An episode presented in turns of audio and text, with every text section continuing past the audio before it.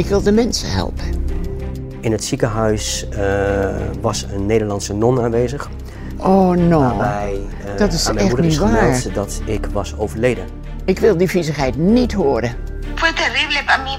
En zij vertelde dus van dat ik dus echt uit mijn moeders armen ben gerukt. Echt huilen, schreeuwen. We hebben geen kinderen gekocht en verkocht. Ik zou me er rot voor geschaamd hebben. Kinderen zijn geen koopwaar. Van het eerste moment af aan had zuster Kuipers dus in haar hoofd... dit kind gaat naar Nederland. La cunita estaba vacía, no estaba la guagua. Kunt u garanderen dat die moeders altijd het ermee eens Por waren? ahí, Dios es mi testigo. En dat zweer ik van harte. Er is toch heel veel ophef ontstaan. Ja, meneer, de maar dat kan, me geen, dat kan me niet schelen. Te quiero mucho, mami. Ya, Ciao, mami.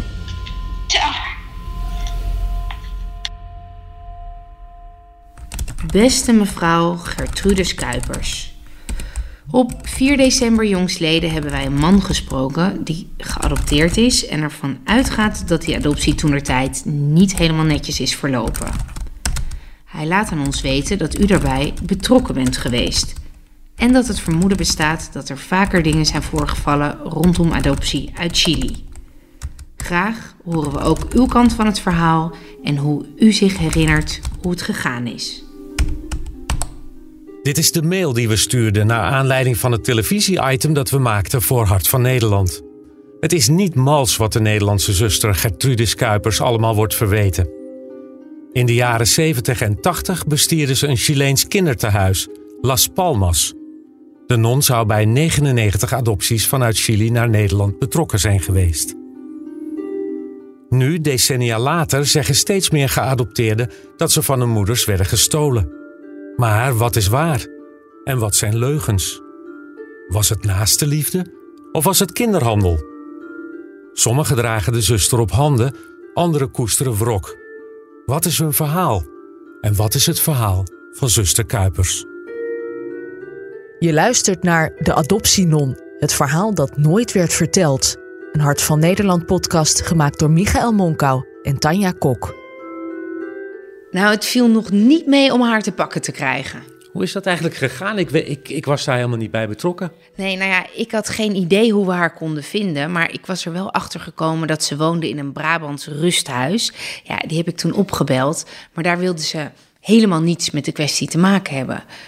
En ja, eh, de, de vraag werd ook gesteld of wij voortaan niet meer wilden bellen. En ik ben toen gaan speuren en via via heb ik haar e-mailadres eh, kunnen bemachtigen. Ik ben non-stop gaan mailen en na die eerste mail duurde het ook tien dagen voordat ik een reactie eh, van Hermanita Gertrudis in mijn mailbox ontving. En eh, daar stond ik best wel naar te kijken, want alle letters waren hoofdletters. En voor belangrijke zinnen waren de woorden vet gedrukt. Toen hadden we gelijk al het idee van dit is een bijzondere vrouw.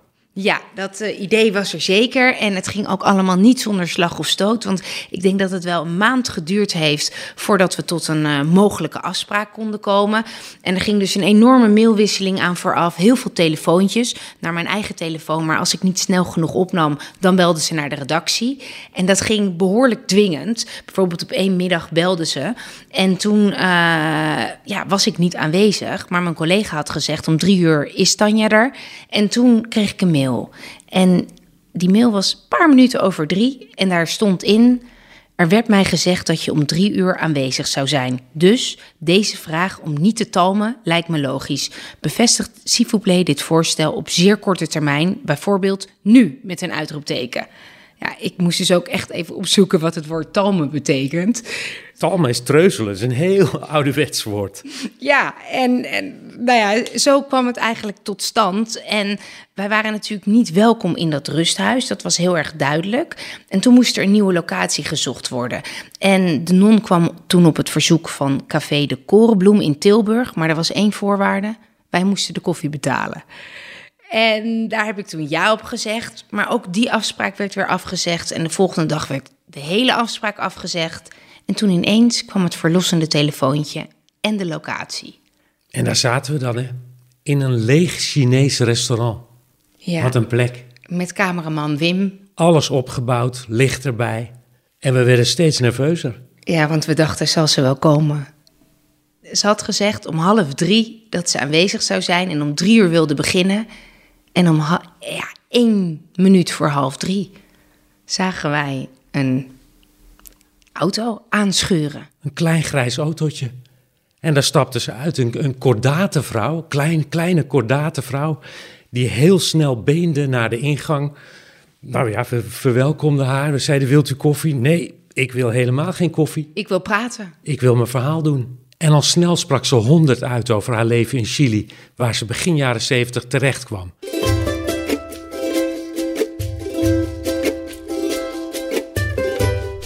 Juno in 71. Ik wilde graag in dienst zijn. Ik wilde mensen helpen. En we hebben dat eigenlijk van huis uit hoor. Vader en moeder waren ook in de parochie altijd bezig in Loosduinen, Kijkduin, om mensen te helpen. Vader en moeder waren sociaal bewogen mensen. Ja. En dat krijg je in je genen mee. Ik ben lerares. En als je hoort dat er dus mensen zijn die geen onderwijs gehad hebben en in een land eigenlijk wat dat betreft ook niet aan zet komen wat werk betreft. En als je hoort van een, een, een broeder uit Chili, hoorde ik van, oh, daar lopen zoveel kinderen langs de straat. Dan bloedt je hart, letterlijk, werkelijk. Ja, ik wilde dus gewoon helpen. Dat moet toch kunnen?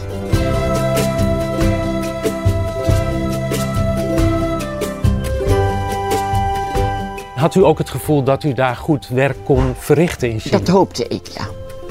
Ik ben een mens die leeft met hoop. Ik laat me niet zo gauw neerslaan, dat zie je wel.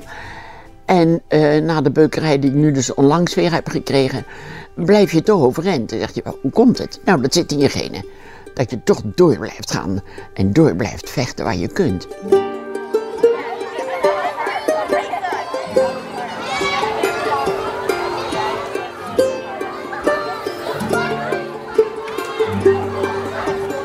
U had daar een kinderthuis, hè? Nee, in 71 nog niet, had ik niks. En wanneer kwam dat? 76, eh 76. Toen kwam het kinderthuis. Toen ik in 71 naar Chile ging, toen heb ik eerst gewerkt bij de zusters van San Pablo van Sint Paulus. En dat waren eh, eh, nonnen ook, hè, van een congregatie. En die wezen mij op het kinderthuis Ragazzo.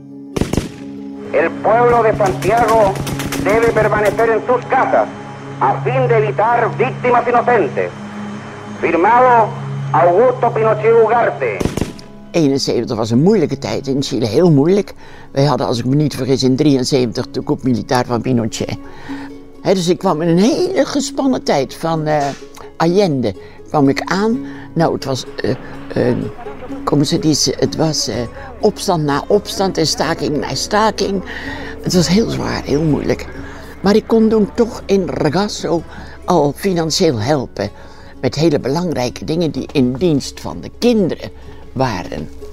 In het tehuis begon zuster Kuipers zich bezig te houden met adoptie. Eigenlijk per toeval. Uiteindelijk zouden er naar schatting zo'n 100 kinderen via haar naar Nederland gaan. Wat was uw rol daarin? Nou, daar begint dus de besmetting van mijn goede naam. Ik word zelfs genoemd de spil van de illegale adopties. Wat doet dat u als u dat hoort? Nou, daar ben je kapot van. Maar hoe, hoe, hoe ging het dan wel? Dat weet ik niet. Hoe die, hoe die illegale adopties gingen, weet ik niet. Nee, maar de, u, heeft, u bent betrokken geweest bij een groot aantal adopties. Hoe gingen die dan? Het woord ragazzo betekent iets van knuffel of veiligheid. De kinderen waren daar veiliger dan thuis. Want thuis woonde vaak een vader die lange tengels had en die kinderen dus juist. En moeders die de kinderen sloegen en vader en moeder die tegen de kinderen vreselijk onhebbelijk waren enzovoort. En die kinderen die werden dan via het gerecht, buiten mij om, want ik was er toen nog helemaal niet en het huis bestond al lang. Ragazzo bestond te lang. Die werden daar dus afgeleverd. En dan zorgden de zusters van Vicente de Paul voor deze kinderen. Hè? Die hadden ook geen contact meer met hun eigen ouders. Of die moeder nou een hoertje was en die vader een misdadiger, een dief en god weet wat. Gaf niet, de kinderen bleven buiten het contact van hun eigen vader en moeder. Dus op last van de rechter werden kinderen afgeleverd. Alsof je het over een postpakketje hebt. Nou, dat klinkt toch wel heel vreemd. Ja, je hoort ook nergens wat die ouders of kinderen zelf wilden. Ik had contact met alle kinderen. Als je onderwijzeres bent, heb je makkelijk. Schijnen de kinderen ja aan te voelen of zo, weet ik niet. En dan zei ze: Kom het tegen mij. Weet je wel, zo heel vriendelijk. En dan zei ik dat ik dus Gertrudis heette. Oh ja, en Hermanita, dat wist ze meteen. Hermanita. Hoe heet jij? Nou, dit is Sita. Oh, wat heb jij ook een mooie naam. Zo begin je te praten met die kinderen. En op een gegeven moment zei de zuster van het huis waar dit meisje woonde tegen me: Och, Hermanita, het is zo sneu, maar de moeder van dit meisje gaat dood. En die is heel erg bezorgd over dat kindje. Toen zei ik dan: Goh, wat sneu. Ja, zei de zuster, en ze heeft ook nog een broertje.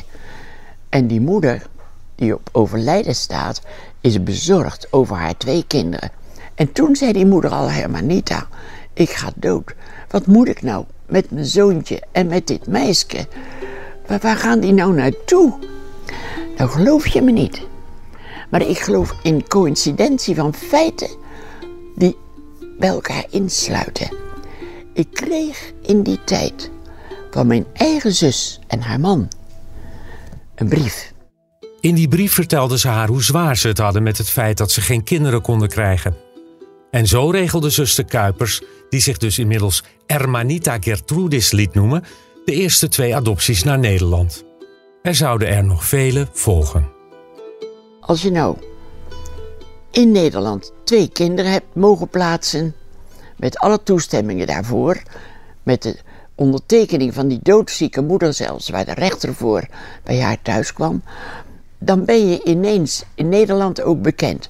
Toen ik op 13 augustus van het jaar X met de kinderen thuis kwam, hadden wij s'avonds al een telefoontje van Wereldkinderen of het Bureau van Interlandelijke Adoptie. Mogen wij zussen Kuiper spreken? Want wij hebben gehoord dat u met adoptiekinderen, alsof het er 35 waren, naar Nederland gekomen. We zouden even met u willen spreken. Zo is het begonnen.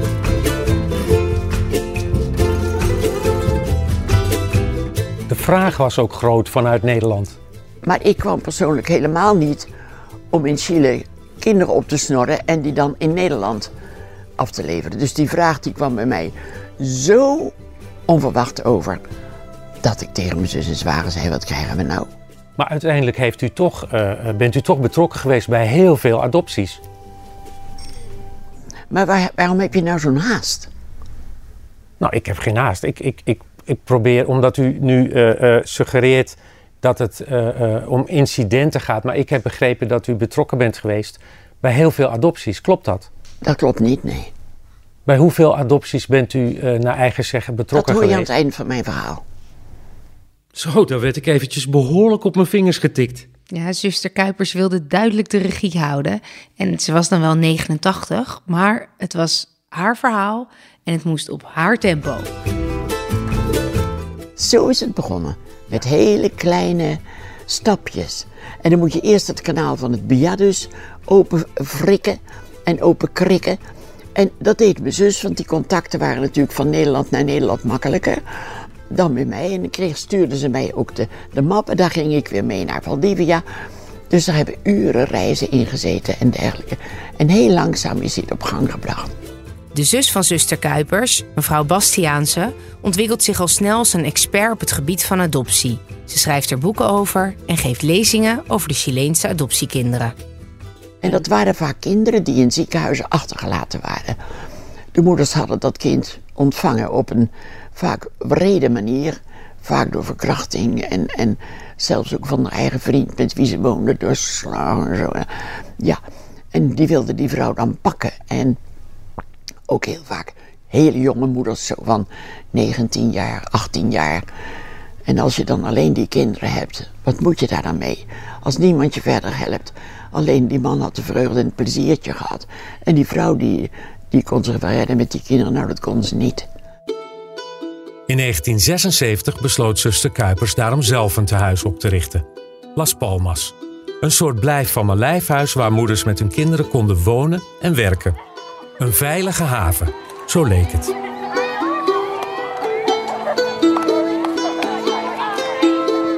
Nou, dit is mijn moeder. En hier was ze zwanger van mij in Las Palmas. Een van de kinderen die via zuster Kuipers naar Nederland kwamen is Jennifer. Ze nam zelf contact met ons op en in een Brabants dorp ontmoeten we haar. Een knappe vrouw met een energieke uitstraling. Ze kwam als baby naar Nederland en bij haar thuis haalt ze al snel haar fotoboeken tevoorschijn. Met een glimlach laat ze ons het tehuis in Chili zien waar ze werd geboren. Dit is zeg maar het hoofdgebouw. En ehm daaromheen eh zaten ja, een pleintje met een aantal huisjes. En dan één groepsgebouwtje waar ze dus 's avonds bijvoorbeeld samen eten. Of waar de kindjes hun huiswerk gingen maken. Eh, een beetje een speelgebouwtje. En de rest waren allemaal kleine huisjes waar de moeders woonden. Het ziet er eigenlijk wel gezellig uit, toch? Ja. Nou, hier werkte ook mijn moeder. Eh, dat was de naaikamer. Daar deden ze voornamelijk borduren om dingetjes eh, op de markt te verkoop- verkopen. Dit is het jongetje waarmee ik naar Nederland ben gekomen. Die was al een stukje ouder. Ik was te groot voor, de, voor een reiswieg, dus ik moest op twee stoelen liggen. Heel de reis. Dat is wel bijzonder, toch, dat je die foto hebt. ja.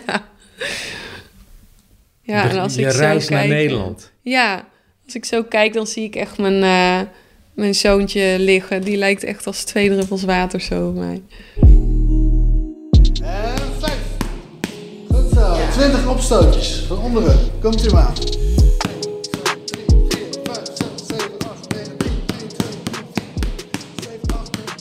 En relaxed. Even ademhalen. Helemaal in het hoge noorden vinden we nog iemand die via zuster Kuipers naar ons land is gekomen. Francisco. Hij is personal trainer. Francisco, hoe oud ben je nu? Ik ben nu 37 jaar. 37 jaar. En hoe oud was je toen je werd geadopteerd? Eh 11 maanden. Dus je weet niet beter. Nee, voor mij is het de normaalste zaak van de wereld dat ik geadopteerd ben. En ehm, ja, daar zijn, zijn mijn ouders ook altijd heel duidelijk over geweest. Dat ik eh, met het vliegtuig kwam. En eh, ze hebben het nooit eh, onder stoel of banken geschoven of zo. Francisco heeft er vrede mee dat hij door zijn moeder werd afgestaan. Ze was arm en ziek. En als ik daar was gebleven, was ik overleden met mijn moeder. Dat is mij verteld. Dus ja, ik weet hoe de armoede daar is. Kinderen die worden vermist. Elke, in Santiago wordt elke twee minuten een vrouw of meisje verkracht. Het is, eh, het is wel huiselijk geweld. Overbevolking. In één stad. Dus ja, er is heel veel, eh veel narigheid daar. Door alle commotie rondom zuster Kuipers denkt Francisco steeds vaker terug aan zijn roots. Het verbaast hem niet dat de Chileense adopties ook in Nederland weer zo in het nieuws zijn. Ik keek er niet heel erg gek van op, want ik was vorig jaar in Chili. En eh, toen was het ook al het nieuws. Dat er eh, van allerlei dingen. Dat er rook was, zeg maar. Dat er eh, ja, toch wel dubieuze dingen allemaal waren gebeurd, begreep ik. Eran guaguas de tres días, de cinco días. Es un testimonio exclusivo en el caso de adopciones ilegales hacia Holanda. Ja, dus ik, ik was wel benieuwd. Ik zag nu echt dat het naar buiten kwam, ook in Nederland. En eh, ja, ik, wist niet of ze in eerste instantie of ze ook nog leefde, maar dat zag ik toen ook ineens. Dus eh, ik had haar heel lang niet gezien, dus ik, ik vond het wel heel interessant. Ja, dus lijkt me wel een dominant, eh, een dominant persoon, zo ken ik haar wel. En eh, eh, de keuzes die ze moeders liet maken, denk ik. Want de verhalen die ik heb gehoord. Eh, ja, ik wil niet zeggen dat zij eh, kinderen heeft, eh, of moeders heeft gepusht, zeg maar, om kinderen af te staan. Maar ehm, ik denk wel dat zij een heleboel invloed heeft gehad op een heleboel moeders. Waar ik dan wel eens vraagtekens bij heb gehad. Dat wel, ja. Ik heb ook wel andere verhalen gehoord. En eh, ja, dat was ik wel, eh, ja, ik weet niet of ik het moest geloven, maar ik dacht, als dat echt de waarheid is, ja, dat is niet best. Dus, ja. Ja, wat voor dingen dan? Ehm, nou, ik ken dus een jongen hier, eh, ook in Groningen. Die heeft mij ook verteld dat eh, die, die al 24 jaar lang naar Chili toe. En hij is, eh, hij is wat ouder dan mij. 45 nu volgens mij. Dus ik zo, wauw. En hem kwam ik per toeval tegen hier in het centrum. Ik had een pet op van Chili. En hij sprak mij ineens aan in het Spaans. Ik zo, oh. zo weet je dat? Ik, ik heb een pet op. En toen kwamen we naar de praat. En... eh, toen kwam ik al gauw achter dat hij ook via Zuster Kuipers in Nederland was gekomen. Ik zo, wauw, Dat heb ik nog nooit eerder meegemaakt. Dat ik iemand gewoon tref hier. Überhaupt sowieso een Chileen niet zo gauw. En uh, ja, ik kwam dus ook nog uh, via dezelfde weg als dat ik kwam. En die heeft echt een heleboel uh, moeders inderdaad gesproken. Tienermoeders en die zijn gewoon... Uh, kinderen zijn bij die moeders weggehaald met, met leugens. Papieren werden klaargelegd, die waar al een handtekening op stond. Daarna werd de tekst eromheen gezet, wat ik heb gehoord. Maar ja, ik ben daar niet bij geweest natuurlijk. En um, er was een man die uh, de administratie deed voor de kinderen. Uh, of tenminste, die, die adopties regelde, zeg maar, met informatie van de moeders en uh, geboortes. En uh, die man die is overleden en alles is verbrand, alle gegevens, wat ik weet, wat ik heb gehoord tenminste. En hij zei letterlijk tegen mij van, ze weet dat ze niet kan ontmaskerd worden. Alle bewijzen is al weg.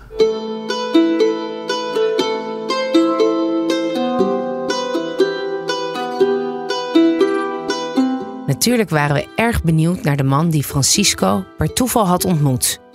We vonden hem. Guido van 45. Hij is snel geëmotioneerd als hij naar de foto's kijkt van de plek waar zijn wiegje heeft gestaan. Ook zijn moeder verbleef meerdere malen in het tehuis van zuster Kuipers. Ja, dat je eigenlijk. Dit is eigenlijk mijn huis. Je dan werd weggehaald. Maar goed, mijn familie woonde hier dus heel erg lang. En daar leerden ze dus die vrouwen om voor zichzelf te zorgen. Lezen, schrijven, um, naaien, um, vloeren leggen, verven, schilderen. Praktische dingen om gewoon in het leven te kunnen... Um, om, overleven. om te kunnen overleven, inderdaad, dat is het. Maar dat klinkt fantastisch. Het klinkt ook fantastisch. De kinderen die werden er zeg maar opgenomen in bepaalde kinderafdelingen. En die gingen dan naar school en die kregen eten, drinken, kleding, verzorging, medicatie, alles. Toch spreekt de blik van Guido boekdelen. Hij kijkt gespannen, want de gezellige foto's in het album laten voor hem ook iets anders zien. De kanttekeningen die er zijn, is met name de werkwijze en de overtuiging. En het is eigenlijk een heel piramidesysteem van er is eigenlijk maar één de baas en dat was zuster Kuipers. Zij nam alle beslissingen voor alles en iedereen en zij was zeg maar Rome, het middelpunt van de wereld.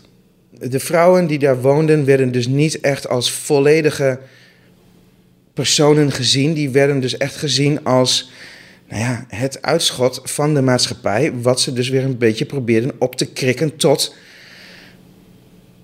um, personen die zichzelf kunnen redden in de maatschappij. Dat is zuster Kuipers.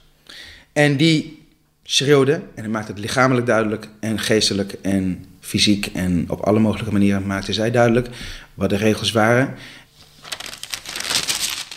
Ja, dit is zuster Kuipers. Als mijn moeder weer vervelend was en was weer ontsnapt en had weer ruzie gemaakt met zuster Kuipers, dan werd ze naar Boein gestuurd. Boein is een forensenstad, net buiten Santiago. En dat was eigenlijk de strafkolonie. En dan was daar zeg maar een strenger regime, minder vrijheid. En, um, maar wat, moest je, wat moest je dan gedaan hebben om daar terecht te komen? Um, ontsnappen. Op stap. Weg. Maar ontsnappen, eh, je moeder was toch volwassen? Die, die, mocht ze niet weg? Nee, als je in Las Palmas woont en werkt, dan mag je niet weg.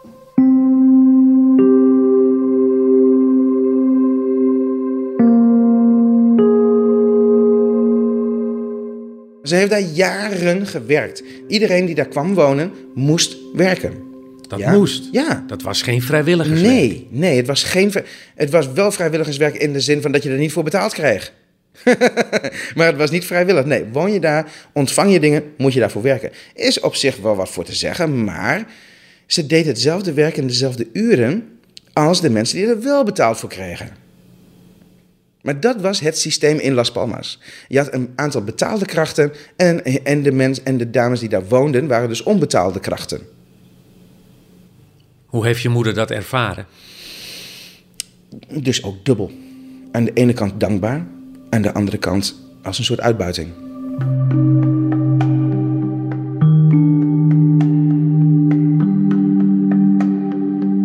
En wat moest ze dan doen?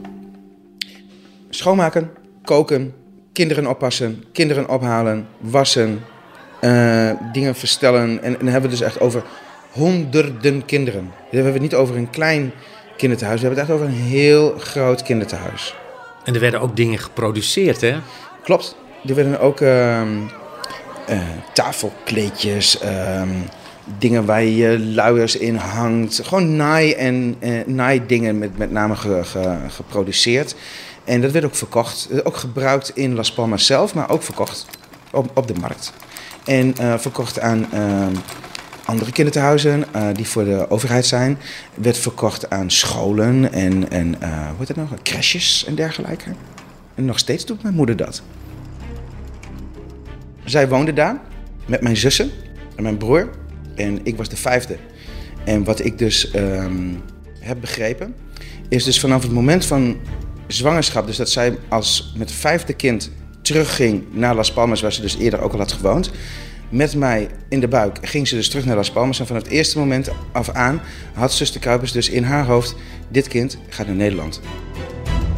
Hoe kan deze vrouw op deze leeftijd, na zoveel, waarom geef je niet toe wat er allemaal is gebeurd in die jaren? Hoe kun je het over je hart verkrijgen?